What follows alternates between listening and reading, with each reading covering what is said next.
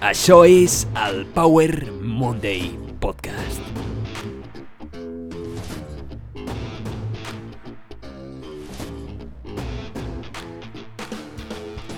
Benvinguts al Power Monday Podcast. Soc en Pau, el teu apassionat de fitness, inspiració i ciència. Espero que hagis passat una setmana increïble.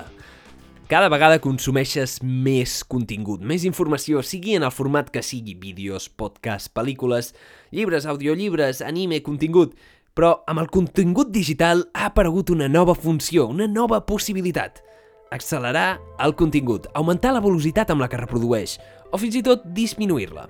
En aquest episodi t'explicaré quins són els beneficis i els perjudicis de consumir contingut més ràpid, així com quina aplicació hauries de fer servir i què diu la ciència al respecte. Som-hi!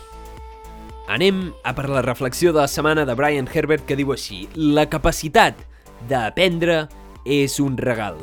La virtut d'aprendre una habilitat. I la voluntat d'aprendre una elecció. De Brian Herbert. Som-hi! Ei, el consum d'informació ha augmentat exponencialment aquests últims anys, sobretot el digital. I apareixen noves eines, noves possibilitats de consumir informació. Consumir informació accelerant el contingut, accelerant com sents aquest podcast mateix. És increïble. Llavors, anem a veure... És bo? És un hack de la productivitat escoltar i consumir la informació de manera més ràpida? O ens farà caure novament en un món d'hiperestimulació, on la vida es sentirà rara quan tornem a la realitat? En general, l'ésser humà és capaç de processar una cadència d'unes 150 paraules per minut. Però la literatura ens suggereix que podem arribar a augmentar a un mínim de 250 paraules per minut i seguir entenent perfectament el missatge. 150 sol ser la base, a la que normalment la majoria d'idiomes es comuniquen, i 250 paraules per minut eh, seria com una mica el nostre límit. Però el que veu la ciència, sobretot, és que això es pot entrenar i que la velocitat en la que consumim el contingut és adaptable, perquè el nostre cervell s'adapta a l'ambient. Llavors, primer de tot, anirem a veure els beneficis. En primer lloc, tenim el primer benefici, que és molt evident, que és que pots consumir més informació en menys temps. El que significa que quan acabis la feina tindràs més temps lliure per fer allò que desitgis. Et poso un exemple de matemàtica bàsica. Si tens un vídeo o un podcast d'una hora i el vols consumir, i el consumeixes un 10% més ràpid, t'estaràs estalviant 6 minuts del teu temps. Si el consumeixes al doble de velocitat, a per 2, t'estalviaràs mitja hora de la teva vida, veient el mateix contingut. Si el contingut és més bo o més dolent augmentant la velocitat, ja ho discutirem després. Ara anem a per al segon benefici. El segon benefici és molt important i és el següent. Augmentar la velocitat del contingut que consumeixes disminueix el cost temporal per contingut. Això què vol dir? Això vol dir que el preu que pagues per consumir contingut que no t'interessa o que no t'ajuda d'alguna manera disminueix. És a dir, el temps, que és l'actiu més valuós que tens, perquè et recordo que el temps és la moneda més important, és la teva vida literalment. I una cosa que ens igual a tots és que tots tenim un temps limitat en aquest món. És el nostre actiu i aquest temps el tenim per fer totes les coses que vulguem en aquest món. Tot el que vulguis experimentar ho pots fer dins d'aquest límit de temps que no saps quan se t'acabarà. Això és el pitjor de tot. Però bueno, el que dic és que augmentar la velocitat en el que consumeixes el contingut disminueix el preu que pagues per contingut. És a dir, pots estar consumint contingut basura i et val menys perquè el pots consumir més de pressa. Per l'altra banda, augmentar la velocitat del contingut que consumeixes també et permet fer ràpidament un check en el contingut i veure si realment t'interessa. Encara que potser no ho agafis tota la primera, diràs vale, aquest contingut m'interessa i el vull consumir més intencionadament a una velocitat més lenta per absorbir més bé la informació. Així que primer pots fer un check, pots mirar a veure, a veure si t'interessa a una velocitat elevada i després dius, va, m'interessa i me'l torno a mirar, perquè ara mateix molts vídeos i molts continguts es basen en el clickbait, aquests eh, títols fàcils per captar l'atenció i normalment no t'aporten tant o sents que no t'han aportat tant com semblava. Almenys no perdràs tant el temps i el cost temporal per contingut no serà tan elevat per lo qual no et sentiràs tan malament. Aquests són els dos beneficis. Pots guanyar temps lliure i, a més, disminueixes el cost per contingut. Molt important, espero que t'hagi quedat clar. I sé que ho he repetit moltes vegades, i potser si ho has posat a per dos, ara ho hauràs agafat, ho hauràs acabat d'entendre. Val, anem a veure els problemes. La majoria de gent posa dues objeccions a l'hora de consumir contingut, i sembla que a vegades fins i tot ho jutgem, no? En plan, com, com entens això? O sigui, és impossible que, que entenguis aquest vídeo a per 3. Val, anem en primer lloc al primer problema més típic, l'objecció més típica que presenta la gent. La primera és que no pots gaudir tant del contingut si el consumeixes a alta velocitat.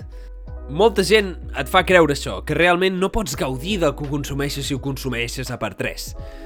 Això és més o menys cert, ja que depèn del context i depèn de la intenció que hi hagi darrere de consumir el contingut i també de la teva capacitat de retenir informació i de que aquella informació sigui d'oci o sigui per aprendre, t'arribi. És a dir, la puguis... Ah, la puguis condensar dins teu.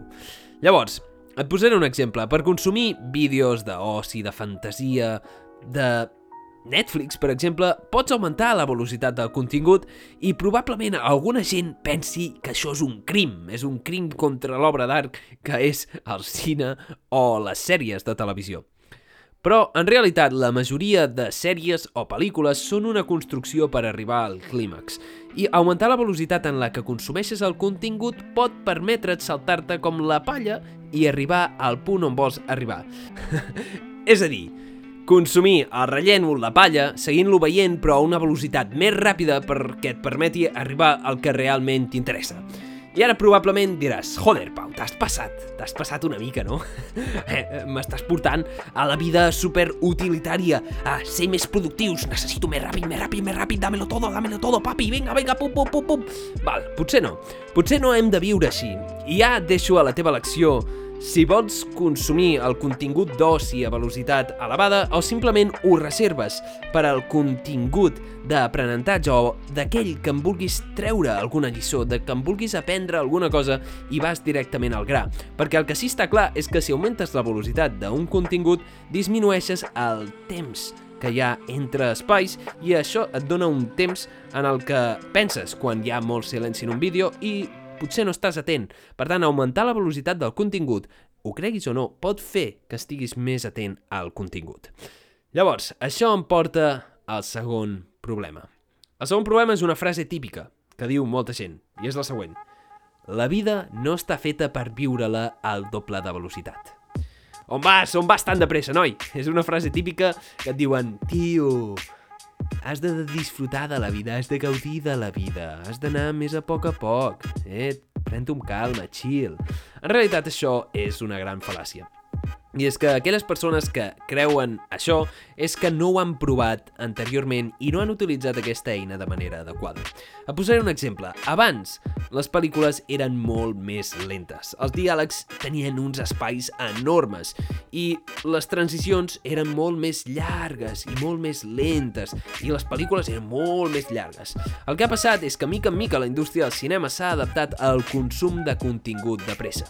Això ho pots veure com algo positiu o negatiu, però la veritat veritat és que la velocitat amb la que es mouen les pel·lícules ara és molt superior a la que ho feien fa uns 50 anys. A part de perquè també ha millorat la tecnologia, no mentirem, però sí que el consum de la informació d'oci ha augmentat i ens sentim més còmodes.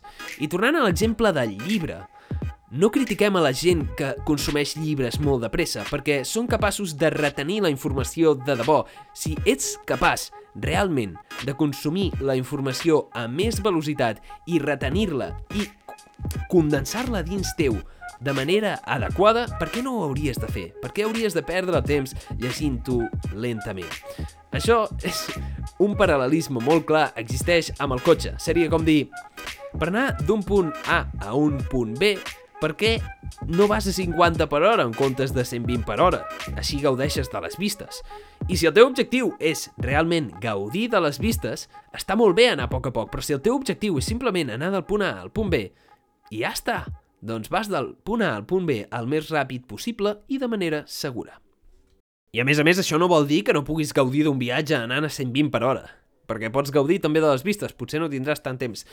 Però això em porta a la conclusió important d'aquest episodi. i és que tot depèn de la teva intenció i tot depèn del context en el que consumeixes el contingut, tant els beneficis com els problemes que presenta consumir a més velocitat el contingut. Però, ho creguis o no, el teu cervell s'està adaptant a consumir informació més ràpid. I Simplement, la majoria d'informació és molt relleno, és molt palla, és molt la informació innecessària. I el que estem fent al consumir informació de manera més ràpid és descartar més ràpidament. Jo personalment, a l'hora de consumir mm, contingut molt de pressa, no he vist efectes negatius. El que sí que han vist és la ciència, i d'això anem a parlar ara mateix, amament. Val, anem a veure què diu la ciència, què diuen els estudis sobre el consum a elevada velocitat de contingut. La veritat és que això porta molts anys sent estudiat, però abans, quan acceleraves un vídeo o acceleraves un àudio un radiocasset, per exemple, el so es tornava més agut si anava més de pressa i més greu si anava més lent. No sé si te'n recordes, és el que es diu la veu d'esquirol, la voz d'ardilla. Segurament t'ha passat amb algun vídeo antic o si fas servir, per exemple, el Windows Movie Maker, també té aquest fet de que quan el poses eh, acceleradament pot ser que s'aguditzi el so i si el poses a càmera lenta se sent wow, no? Se sent molt més lent. Per això, els estudis antics no són tan vàlids, perquè no és el mateix que veiem avui, perquè avui en dia la majoria d'aplicacions que acceleren el contingut, fins i tot les que ja hi han construïdes dins de YouTube, tenen un software en el que modifiquen la distorsió que causa augmentar la velocitat d'un so. Això ens permet consumir un contingut pràcticament al doble de velocitat sense alterar el to i el soroll, el so que fa una veu quan parla. De manera que no sents en una persona accelerada, encara que l'acceleris pràcticament a per 3, he arribat a escoltar, i pots sentir molt bé una persona, perquè aquest software tan brutal causa això. Llavors, els estudis recents, què veuen? En primer lloc, tinc aquí un exemple d'estudi. Un exemple on van agafar estudiants de medicina, els van aleatoritzar en dos grups i els van posar a veure dos vídeos, una a velocitat normal i un a velocitat un 50% més ràpida. Llavors, això ho giraven, és a dir, cada estudiant veia un vídeo normal i un vídeo a un 50% més de velocitat i després els hi feien un examen per veure en quin cas treien millor nota. El cas és que van observar que el que miraven el vídeo a una velocitat més elevada no treien millor nota. Treien una nota una mica per sota o pràcticament igual a la velocitat normal. En aquest cas, probablement els hi faltava fer que els estudiants consumissin més informació que no pas d'un vídeo, perquè això els permetria consumir més informació i treure millor nota a una velocitat més elevada. Però en aquest estudi no es va observar un benefici en quant a aprenentatge, de consumir informació a més velocitat. I en segon lloc, tinc un altre estudi. Un altre estudi molt important, que aquest és dels més recents. Aquest va analitzar una plataforma de cursos online, que sabem que els cursos online han augmentat moltíssim, com les classes a distància han augmentat moltíssim.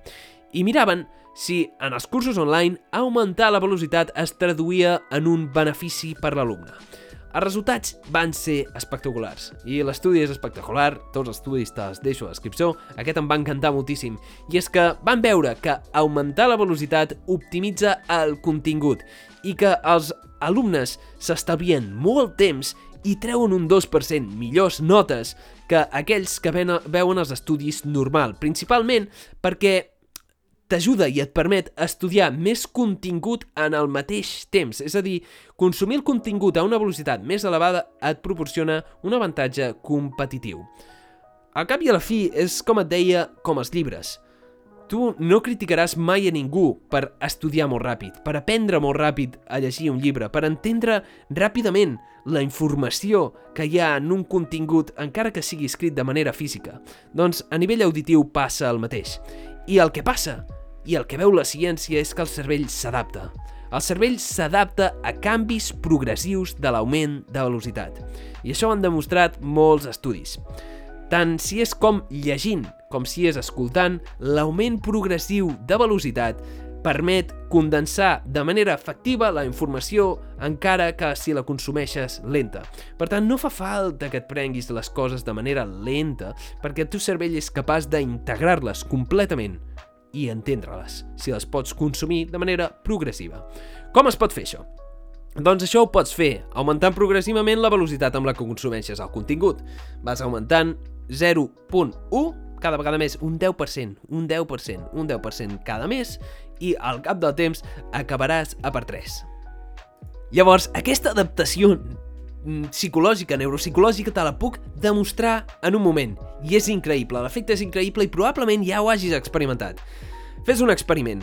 Pots agafar qualsevol vídeo, fins i tot pots agafar aquest podcast i posar-lo al màxim de velocitat i el poses durant uns 5 minuts. L'escoltes 5 minuts a màxima velocitat i després, de cop, tornes a 0.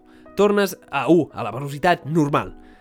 De cop te n'adonaràs que parlo molt lentament. És com si en Pau parlés molt a poc a poc. Això és el que em passa constantment a mi. Quan agafo una velocitat ràpida i torno a escoltar-la a la velocitat normal. I això et demostra que el teu cervell és capaç d'adaptar-se, és capaç de mantenir el ritme amb aquest consum elevat d'informació. Però això també pot implicar un consum elevat d'energia, per tant pot ser que et cansis una mica més a l'hora de consumir contingut a elevada velocitat. És una mica com un entrenament mental. T'has d'entrenar a consumir, a mantenir el ritme a aquesta velocitat. Llavors, hem vist dos beneficis, dos principals problemes, i veiem que la ciència i els estudis observen que en general és positiu i que l'adaptació progressiva es pot aconseguir fàcilment si ho entrenes de manera constant. Llavors, anant a la pregunta del principi, és bo o és dolent consumir el contingut a elevada velocitat? Doncs la veritat és que, com moltes coses, no és bo ni és dolent. Simplement depèn de com ho utilitzis. Accelerar el contingut és una eina molt important, clau, i saber-la utilitzar et pot permetre treure'n molt profit. Depèn del teu focus, de la teva intenció i de l'objectiu que tens a l'hora de consumir el teu contingut i allò que t'agrada. Si és per aprendre, probablement te'n beneficis molt. Si és per oci, probablement diguis, mira, em vull prendre les coses a poc a poc i gaudir d'aquesta pel·lícula tal i com està feta. Això depèn de tu, perquè accelerar el contingut és una eina, la qual el teu cervell té la capacitat d'adaptar-se. Impressionant. Per tant, la clau es troba en personalitzar i practicar, és a dir, personalitzar quin contingut volem consumir de manera accelerada i practicar aquesta adaptació, portar-nos una mica al límit en aquell moment en el que et sents com una mica incòmode, que et costa entendre i forçar una mica el teu cervell que causi aquesta adaptació. Mica en mica vas augmentant 0,10, un 10% més, un 10% més, i veuràs com al final podràs escoltar elevades velocitats. I la meva experiència personal com a amant dels podcasts i dels vídeos documentals a YouTube em diu que consumir informació a elevada velocitat és crucial, sobretot perquè ara mateix hi ha una informació sobreabundant.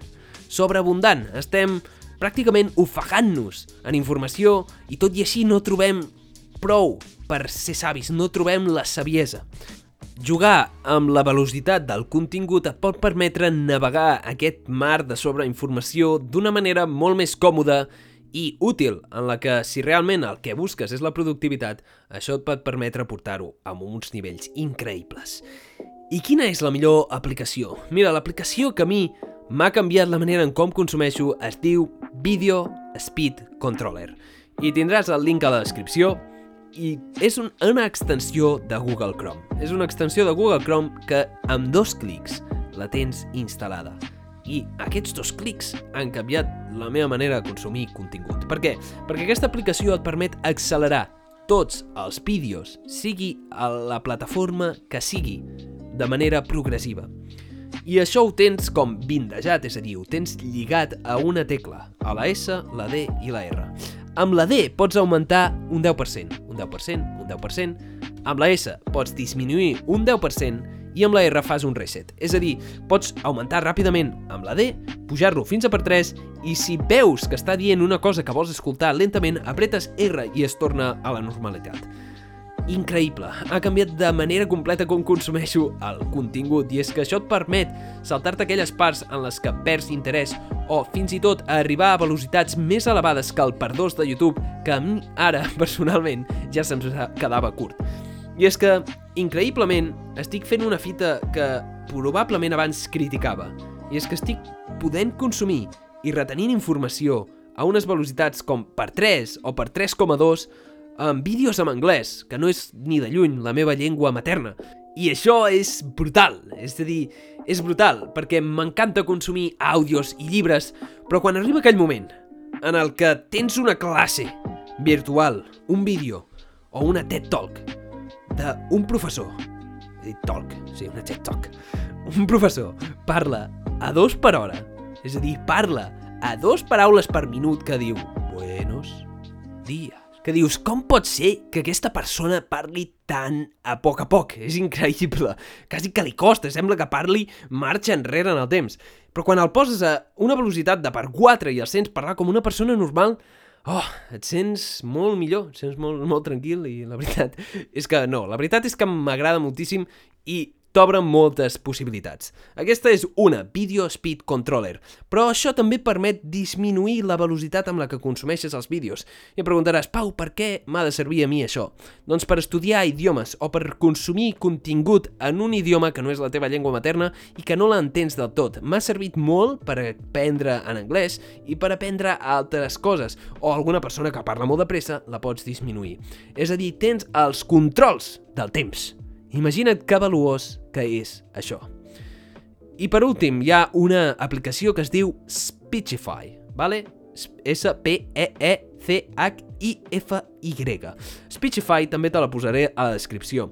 I és que aquesta aplicació també és una extensió, aquesta és premium, l'altra és gratuïta, és a dir, aquesta requereix una subscripció, el Video Speed Controller és gratuït i t'ho torno a dir, funciona amb tots els vídeos de totes les plataformes. Sigui on sigui, si vols veure Naruto a per 5, te'l pots veure a per 5. D'acord? I fins i tot a per 12. És brutal. Val. Speechify. Speechify és una aplicació que llegeix el text. I la veritat és que els lectors de text han millorat moltíssim i les veus són cada vegada més còmodes i s'acosten més a la normalitat.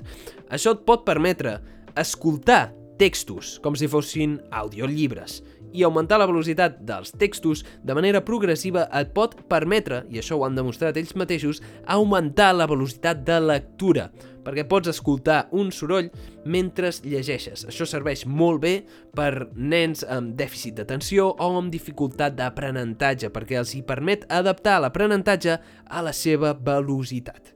Per tant, com he dit, personalitzar i practicar, és a dir, personalitzar i augmentar progressivament el consum d'informació d'una manera accelerada. Aquestes són les dues aplicacions i segurament ja saps que la majoria d'aplicacions ara ja tenen aquesta funció, YouTube la té, Netflix la té, tots els podcasts meus te'ls pots escoltar a per 1.25, a per 1 i mig, i anar augmentant progressivament i un dia em sentiràs com si fos l'Eminem i m'entendràs perfectament. I, I em pots escoltar dir ràpid 16 jutges d'un jutjat mengen fetge d'un petjat. Crec que l'he dit bé aquest cop. Val? I espero que això t'hagi ajudat. A mi realment ha revolucionat la manera amb la que consumeixo el contingut. I com sempre, abans d'acabar l'episodi, tinc una pregunta per tu, i és que em mata la curiositat. Què en penses? Creus que és bo o dolent consumir el contingut a més velocitat? Ho fas? I quines eines utilitzes? I a quina velocitat les comptes? Això és tot per aquest episodi. Ei, moltíssimes gràcies per haver escoltat aquest episodi. Estic molt agraït que hagis arribat fins al final i espero que t'hagi portat una mica de valor o hagis après alguna cosa. Recorda, si t'ha agradat, si us plau, smash la like button, posa-la me gusta, posa-li seguir a la plataforma que m'estiguis escoltant, em pots trobar a molts, molts, molts directoris de podcast, Spotify, Apple Podcast, Google Podcast, allà on em vulguis buscar i allà em podràs accelerar, em podràs posar a una velocitat increïble. La veritat és que aquest episodi em sembla molt important perquè ens dona una eina per saber navegar en aquest mar de sobreinformació i ens ensenya que el més important és la pràctica i la personalització No es tracta de consumir tot el contingut a elevada velocitat. Pots gaudir de les vistes, pots gaudir del moment, pots gaudir del present d'una bona pel·lícula. Però quan ho necessitis augmentar o disminuir la velocitat del contingut, pot revolucionar la manera amb la que aprens i la manera amb la que et desenvolupes en aquest planeta de sobreinformació. Molt important. Recordo les aplicacions, les tens a la descripció, els enllaços als estudis a les aplicacions són Video Speed Controller, Video Speed Controller, extensió Google Chrome completament gratuïta i Speechify. Speechify per lectura de textos que té una prova d'unes quantes paraules i després és Premium. Les dues molt vàlides i les recomano moltíssim. Espero que estiguis molt, molt, molt, molt bé i com sempre et desitjo una setmana èpica plena de creixement personal i que consumeixis tota la informació que puguis. Moltíssimes gràcies, ens veiem en el pròxim episodi.